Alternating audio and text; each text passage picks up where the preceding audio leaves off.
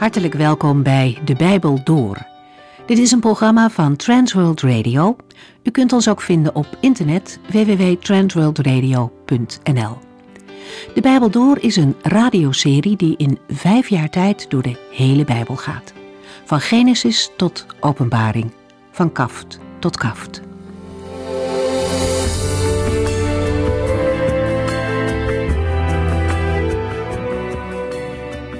We lezen vandaag uit het Hooglied, een boek van Salomo. In hoofdstuk 2 gaat de beurtshang tussen bruid en bruidegom verder. De bruid begint en ze vergelijkt zichzelf met een veldbloem. Om welke bloem het precies gaat is moeilijk te zeggen. Er zijn verschillende vertalingen mogelijk. Bijvoorbeeld een roos of een narcis of krokus. In elk geval ziet zij zichzelf als een van de vele mooie, maar gewone bloemen. Dat hoeft niet te betekenen dat ze zichzelf minderwaardig vindt. Het lijkt er meer op dat zij naar de prachtige velden vol met bloemen verwijst. Het is mooi hoe haar bruidegom daarop reageert. Voor hem is zij niet een van de vele bloemen tussen de bloemen, maar ze is als een lelie tussen de distels. Met andere woorden, voor hem is zij de enige. Alle andere vrouwen verdwijnen naar de achtergrond en halen het niet bij de zijne. Zij is belangrijk en kostbaar voor hem. En zo mag een man met zijn vrouw omgaan. Het voorbeeld van Salomo is een les voor alle tijden.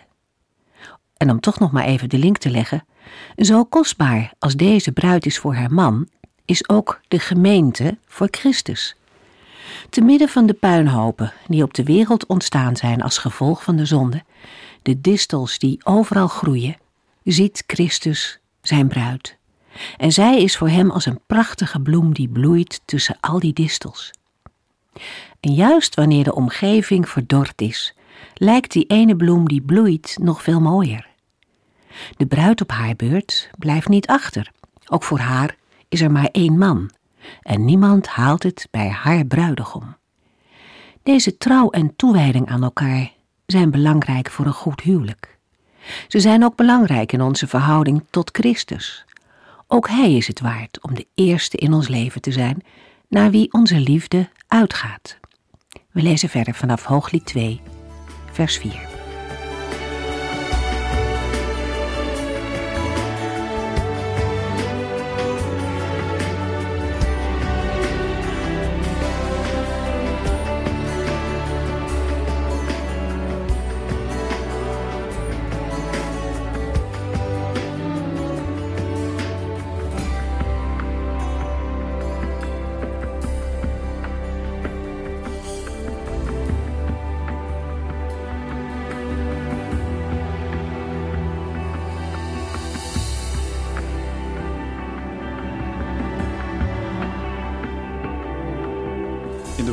Uitzending hebben we al een gedeelte gelezen uit Hooglied 2 van de beurtzang tussen bruidegom en bruid. In Hooglied 2, vers 3 hebben we gelezen over het verlangen van de bruid. Ik verlang ernaar in zijn schaduw te zitten en zijn vruchten te proeven. De bruid geniet van alle goeds dat zij van haar liefste zal ontvangen als ze bij hem is. Hooglied 2, vers 4. Hij heeft mij naar het wijnhuis gebracht en ik koesterde mij in zijn liefde. In de vorige uitzending hebben we al iets over dit vers gezegd. Onder andere dat het moeilijk te zeggen is wat precies de betekenis van wijnhuis is. We kunnen denken aan een zaal waar een diner wordt gehouden, een banketzaal zoals in Esther 7 vers 8, of een ruimte waar een feest wordt gegeven. In ieder geval is het een plek waar de geliefden elkaar ontmoeten. Een aantal uitleggers wijzen op de mogelijkheid van het beeld een herberg als aanduiding van het vertrek waar de huwelijksnacht wordt doorgebracht. In de Hebreeuwse grondtekst staan voor de woorden en ik koesterde mij in zijn liefde, de woorden en de liefde is zijn banier over mij. Over het woord banier zijn in de vorige uitzending al een paar dingen gezegd. Maar bij het beeld van de herberg kunnen we er nog aan toevoegen dat uitleggers erop wijzen dat herbergen, waar wijn verkrijgbaar was, herkenbaar waren aan een vaantje. Als we aan een herberg moeten denken, vertelt de bruid in vers 4 dat haar geliefde haar naar het wijnhuis of een herberg brengt en daar zijn liefde toont. De liefde van de bruidegom is voor de bruid een duidelijk herkenningsteken, een banier, en zij koesterde zich in zijn liefde. Hooglied 2, vers 5. Geef mij rozijnenkoekjes om aan te sterken en appels om nieuwe energie te krijgen, want door de liefde ontbreekt mij elke kracht. Blijven we in het beeld van de herberg, dan zijn de genoemde rozijnenkoekjes en appels gebruikelijk voedsel voor reizigers. In 2 Samuel 16, vers 1 lezen we dat koning David proviand meekrijgt als hij moet vluchten voor Absalom. De proviand bestaat onder andere uit rozijnen, koeken en vruchten.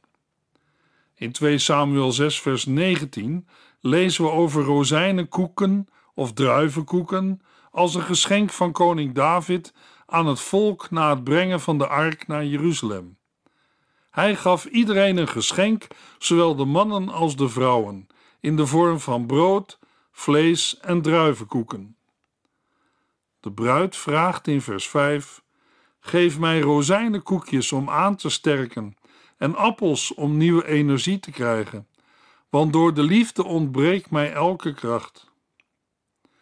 Appels waren niet alleen als voedsel belangrijk, maar ook om hun geur.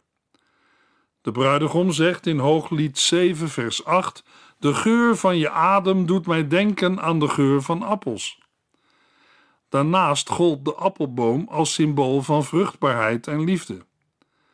In de versen 3 tot en met 7 vergelijkt de bruid zichzelf met een veel voorkomende veldbloem. Maar haar geliefde is niet minder dan een boom. In die tijd en vandaag nog steeds was het gewoon om appelen aan zieken te geven, om op krachten te komen. De bruid is zo in beslag genomen door de liefde dat ze vraagt om rozijnenkoekjes en appels. Ze heeft die versterking nodig, omdat haar intense verlangen maakt dat zij zich zwak voelt. Hooglied 2, vers 6. Met mijn hoofd lig ik op zijn linkerarm, zijn rechterarm is om me heen. In haar bezwijmend verlangen ziet de bruid zich al in de omhelzing van de bruidegom. In Hooglied 8, vers 3 vinden we dezelfde woorden.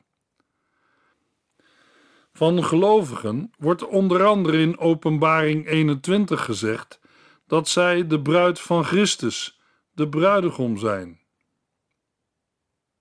In dat licht is het voor een gelovige goed om zijn of haar liefde tot Christus te overdenken. Mogelijk moeten we terug naar de eerste liefde tot Christus. In Openbaring 2 worden de gelovigen van Efeze erop aangesproken dat zij hun eerste liefde hebben verzaakt.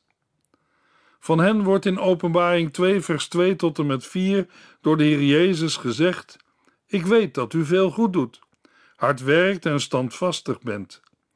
Ik weet dat u geen slechte mensen kunt verdragen. U hebt die zogenaamde apostelen als leugenaars aan de kaak gesteld. Ik weet dat u mij dwars door alles heen trouw bent gebleven. U hebt het niet opgegeven. Toch heb ik één ding op u tegen. U hebt de liefde van vroeger opgegeven. Het is voor een mens een grote vreugde en genade om een persoonlijke relatie met de Heer Jezus Christus te hebben. Een aspect van die relatie is dat een gelovige bij de bruidsgemeente van Christus hoort. Hoe innig is onze bruidsliefde tot Hem, de bruidegom? Bent u er tevreden over? Zou de heiland ook aan ons schrijven: Toch heb ik één ding op u tegen. U hebt de liefde van vroeger opgegeven. Vindt u en jij nog steeds dezelfde vreugde en blijdschap in de dagelijkse omgang met de Heer?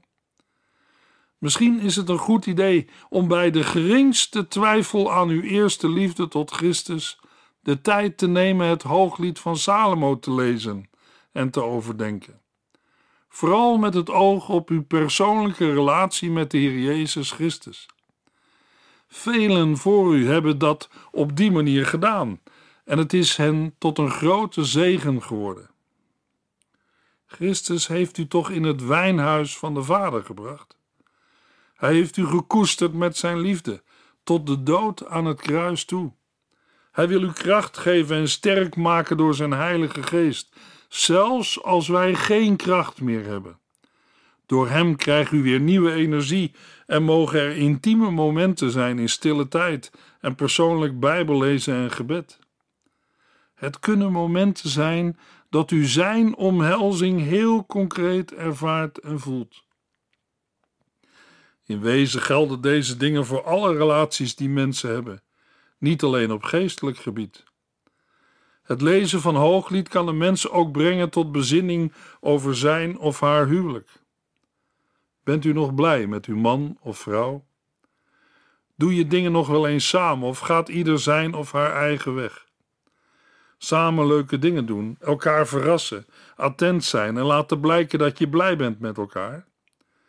Iemand zal zeggen: dat spreekt toch vanzelf in een relatie? Luisteraar, ik denk van niet. Aan een relatie met God, als ook met mensen, moet gewerkt worden. Anders raken de dingen in het slop. Dan verdwijnt het unieke, het mooie en exclusieve. Dan wordt alles heel gewoon en vanzelfsprekend, of het stompt af en brengt tot ergernissen en mogelijk een breuk. Maar dat wil de Heer niet. In 1 Johannes 4, vers 16 lezen we: Wij hebben de liefde van God leren kennen en vertrouwen daarop. God is liefde. Wie blijft liefhebben, blijft één met God. Johannes 15, vers 10 zegt Jezus: Zoals de Vader van mij houdt, hou ik van jullie. Zorg dat je in mijn liefde blijft. En dat doe je door je aan mijn geboden te houden. Want de Vader is van mij blijven houden, doordat ik mij aan zijn geboden heb gehouden. Leef vanuit zijn liefde. Hooglied 2, vers 7. Meisjes van Jeruzalem, let op wat ik jullie met nadruk zeg. Kijk daarbij naar de gazellen en hinden op het veld. Zij kunnen jullie een les leren. Loop niet vooruit op de liefde, overhaast niets. Laat de liefde zichzelf openbaren als de tijd ervoor gekomen is. In vers 7 spreekt de bruid tot de meisjes van Jeruzalem. Ze spreekt met nadruk en geeft een belangrijke les door. De genoemde dieren, gazellen en hinden, zijn sierlijke en schuwe dieren en zijn van oud symbool van de liefde. Over het feit dat de woorden in het Hebreeuws een opmerkelijke klank- en woordspel vormen, waardoor het gebruik van de naam van de Heere wordt vermeden, hebben we gesproken in de vorige uitzending.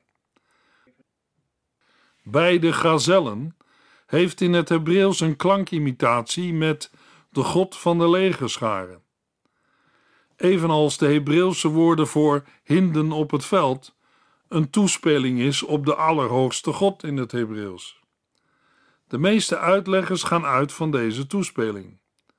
De woorden van de bruid tot de meisjes van Jeruzalem hebben het karakter van een bezwering. Ze houden in dat de liefde niet moet worden opgewekt als de tijd ervoor nog niet gekomen is. Het is van belang de liefde haar tijd te gunnen, zodat ze zich in al haar rijkdom kan ontwikkelen. De waarschuwing die erin ligt is: wie daarop vooruitloopt, kan onbeheersbare krachten en lusten losmaken die schade kunnen aanrichten. De liefde is een geweldige kracht en het is van belang er lichamelijk en geestelijk rijp voor te zijn. Het is niet voor niets dat de Heere de seksualiteit heeft ingebed in het huwelijk tussen een man en een vrouw. Naarmate bij geliefden het verlangen naar intimiteit groeit, is zelfbeheersing nodig om te wachten op het juiste moment. Deze waarschuwing is een motto in het Bijbelboek Hooglied en past bij het karakter als wijsheidsliteratuur. De lezer wordt met de waarschuwing voor een raadsel geplaatst. Het raadsel of de vraag zal bij u of jou ook zijn opgekomen. Wanneer is de juiste tijd? Het getuigt van wijsheid om op zoek te gaan naar het juiste antwoord. Laat de liefde zichzelf openbaren als de tijd ervoor gekomen is. Luisteraar, dit is een belangrijke wijsheid. Voor veel jonge mensen in onze tijd valt het niet mee om op dit spoor van de Here te blijven. Je hoort er niet echt bij als je op het gebied van seksualiteit nog niets hebt meegemaakt. Prachtig als jonge mensen ervoor kiezen om de weg van de Here te gaan en willen wachten tot ze zijn getrouwd. Veel van hun ouders hebben het niet gekund en hebben beleden dat het tegen de bedoeling van de Here inging. Aan de andere kant mochten zij ook de vergeving van de Heer ontvangen. De consequenties van het te vroeg opwekken van de liefde hebben velen hun leven lang moeten meedragen. Maar bij de Heer is hoop en een uitweg voor mensen die naar Zijn woord willen luisteren en handelen. Daarom is het goed, ook voor ons, om de waarschuwing van de bruid in Hooglied in onze oren te knopen en er rekening mee te houden. Hierbij is het advies van Jacobus een goede raadgever. Jacobus 1, vers 5. Als u wilt weten wat God van u verwacht, vraag het hem en hij zal het u graag vertellen. Want hij staat altijd klaar om ieder die hem daarom vraagt voldoende wijsheid te geven. Hij zal het u niet kwalijk nemen. We lezen verder in Hooglied 2, vers 8. Luister, daar komt mijn liefste. Hij springt door de bergen en komt huppelend over de heuvels aan. De versen 8 tot en met 10 openen dynamisch met een beschrijving van de bruid, dat haar geliefde komt. Nog voordat hij aangeduid wordt als een gazel, wordt hij dichtelijk beschreven als hij springt door de bergen en komt huppelend over de heuvels aan. Het is een beeld dat spreekt van een haastig en verlangend komen van haar liefste. Op een levendige manier beschreven door het gebruik van de woorden springen en huppelen.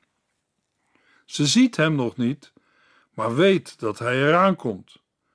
Alle hindernissen worden overwonnen. Het verlangen van de bruidegom is te vergelijken met Jacobs liefde voor Rachel. In Genesis 29, vers 20 lezen we: Zo bleef Jacob de volgende zevende jaren bij zijn oom werken om Rachel te betalen. De zeven jaren leken hem zeven weken toe, zoveel hield hij van haar.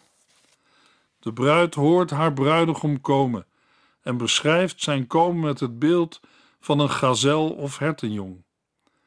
In het vervolg beschrijft zij de lokkende woorden waarmee haar liefste haar aanspreekt. Deze verlangende liefde is ook een beeld van de ongedwongen liefde van de gemeente van Christus, zijn bruid, voor haar hemelse bruidegom, Jezus Christus. Als de Heer Jezus terugkomt op de wolken des hemels en de gestorven christenen zullen opstaan, zullen zij samen met de gelovigen worden opgenomen en Hem ontmoeten in de lucht. In 1 Thessalonicense 4, vers 16 tot en met 18 lezen we: Want als het signaal klinkt, als een van de voornaamste engelen zijn stem laat horen en de trompet van God schalt, zal de Heere zelf uit de hemel neerdalen. Dan zullen de gestorven christenen eerst opstaan, en daarna zullen wij, die op dat moment nog leven, met hen in de wolken worden opgenomen, om de Heere in de lucht te ontmoeten en altijd bij hem te zijn. Met dit nieuws kunt u elkaar troosten en bemoedigen. Het is te vergelijken met de roep van de bruid in Hooglied 2, vers 8. Luister, daar komt mijn liefste. In Matthäus 24, vers 30 en 31 zegt de Heer Jezus: Iedereen zal mij, de mensenzoon, zien komen in de wolken aan de hemel, met grote macht en majesteit. Ik zal mijn engelen er met luid trompetgeschal op uitsturen. Ze zullen de mensen die bij mij horen verzamelen, van de verste uithoeken van de hemel en de aarde. Luisteraar, de Heer Jezus komt eraan. Verlangt u naar zijn komst, zoals de bruid verlangt naar haar bruidegom? Luister, daar komt mijn liefste. Hij springt door de bergen en komt huppelend over de heuvels aan. Hooglied 2, vers 9. Mijn liefste loopt als een gazel of een hertenjong. Kijk, nu staat hij achter de muur van ons huis en kijkt door de ramen. De bruid ziet haar geliefde als een gazel of hertenjong. Daarmee worden de woorden uit vers 7 gebruikt in een beeldende vergelijking. Deze genoemde dieren staan symbool voor schoonheid, sierlijkheid, kracht, snelheid en behendigheid. Als een hert kent de bruidegom de weg en weet deze te gaan om snel bij zijn beminde te komen. De woorden: Kijk, nu staat hij achter de muur van ons huis, duiden waarschijnlijk op het ouderlijk huis. Daar kijkt hij door de ramen naar binnen, verlangend iets op te vangen van zijn geliefde. Het beeld van springende en huppelende gazellen of herten komt vaker voor in de Bijbel. David getuigt in Psalm 18, vers 33 en 34: God geeft mij kracht en baant de weg voor mij. Hij maakt mij lichtvoetig als een hert, zodat ik overal kan gaan en geen weg onbegaanbaar voor me is. In het opschrift van Psalm 22 lezen we dat de psalm gezongen moet worden op de wijs van de hinde in de morgen stond. Wij kennen die wijs niet, maar de inhoud van de psalm geeft wel een aanwijzing. Een hinde in de morgenstond heeft het moeilijk gehad. De hele nacht is ze bedreigd en achtervolgd door wilde dieren. In Psalm 22 worden ze genoemd. Mogelijk hadden ze haar gebeten en geprobeerd te doden. Psalm 22, vers 21 en 22. Wend het geweld van deze honden van mij af. Bevrijd mij uit de muil van de leeuw en bescherm mij tegen de horens van de buffels. Maar wanneer de zon weer opkomt en het gevaar voorbij is, zien we de hinden springen en huppelen over de bergen en heuvels. Het heeft iets weg van Psalm 18, vers 34. Hij maakt mij lichtvoetig als een hert, zodat ik overal kan gaan en geen weg onbegaanbaar voor me is. Dat ervaart en voelt de mens die verlost en gered is door de Heer Jezus Christus. Hij of zij mag leven, verlost uit de greep van de dood en uit de macht van de zonde. In beginsel kan dat vandaag voor u beginnen. Straks wordt het ten volle werkelijkheid als Christus terugkomt, huppelend over de heuvels en springend over de bergen. Wat een dag zal dat zijn! Immers, het verlangen van bruid en bruidegom is wederzijds. Ook Christus verlangt naar de hereniging met zijn bruidsgemeente. Kijk, nu staat hij achter de muur van ons huis en kijkt door de ramen. Als hij klopt aan de deur van uw leven, mag hij dan binnenkomen? Bent u klaar voor zijn wederkomst? Veel mensen denken dat ze nog alle tijd van de wereld hebben. Er is alleen één probleem. Een mens kan dat wel denken, maar niet weten. De tijd die een mens van de Heer ontvangt, weet geen mens. Als God tegen u zegt wat we lezen in Lucas 12, vers 20: Dwaas, vannacht zult u sterven. Hoe zal het dan met u zijn als u voor zijn aangezicht moet staan? In de Bijbel lezen we over het heden van Gods genade. In Psalm 95, vers 7 en 8 worden mensen opgeroepen om niet koppig te zijn, maar elke dag te luisteren naar wat de Heere zegt. In Hebreeën 3, vers 7 lezen we: Omdat Christus zo groot is, zegt de Heilige Geest. Luister vandaag naar wat Hij u zegt en sluit uw hart niet af voor Hem, zoals de mensen in der tijd in de woestijn deden. Dezelfde waarschuwing vinden we ook in Hebreeën 3, vers 15. Daarbij lezen we in Hebreeën 4, vers 7 de woorden: Maar God heeft de mensen een nieuwe kans gegeven om deel te krijgen aan zijn rust, en die kans is er nu. Hij heeft dat door de mond van David al aangekondigd, met de eerder genoemde woorden: Luister nu naar wat hij u zegt en sluit uw hart niet af voor hem. Hooglied 2, vers 10 en 11. Hij spreekt tegen mij: Sta nu op, mijn allerliefste. Jij bent voor mij de mooiste. Kom, ga met me mee. Kijk maar, de winter is voorbij en ook de regentijd is over. In de versen 10 tot en met 14 vertelt of bezinkt de bruid wat haar allerliefste tegen haar zegt. Ze geeft aan dat zijn woorden persoonlijk tot haar zijn gericht.